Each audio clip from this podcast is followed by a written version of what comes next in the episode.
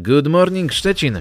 Gdybym był ze Stanów Zjednoczonych, pewnie tak bym do Was mówił, ale jestem jednak Polakiem, więc nie mówię. A co mówią prognozy na dziś? No powiem Wam, że nie jest najgorzej. Z samego rana może pokropić deszcz, ale im później, tym ciśnienie będzie wyższe, a to spowoduje, że nad naszymi głowami będzie pojawiało się więcej słońca, a mniej chmur. A to przełoży się na to, że deszczu stosunkowo też powinno być mniej, ale sami wiecie, jak to z tą pogodą jest. Wszystko się może zdarzyć. Temperatura przez cały dzień będzie oscylować wokół 8 stopni. Niestety biometr, jak to na jesień przystało, będzie niekorzystny, a to wszystko przez gwałtowne zmiany pogody, które nastąpią w ciągu dnia. Przejdźmy jednak do rzeczy przyjemniejszych, czyli zajrzyjmy do kalendarza. Imieniny dziś mają Albert i Leopold. Do Bożego Narodzenia zostało 38 dni, a ze świąt nietypowych to mamy dzisiaj tak. Dzień Systemów Informacji Geograficznej, Święto Wojskowego Centrum Geograficznego oraz Dzień Uwięzionego Pisarza.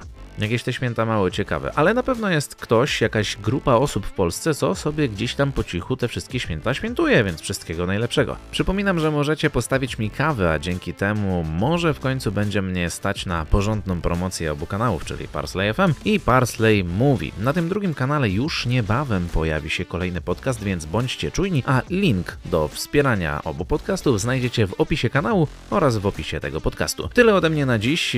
Kawałek na dobry początek dnia być może opisuje stan niektórych w środę. Już teraz w Parsley FM The Cranberries i Zombie.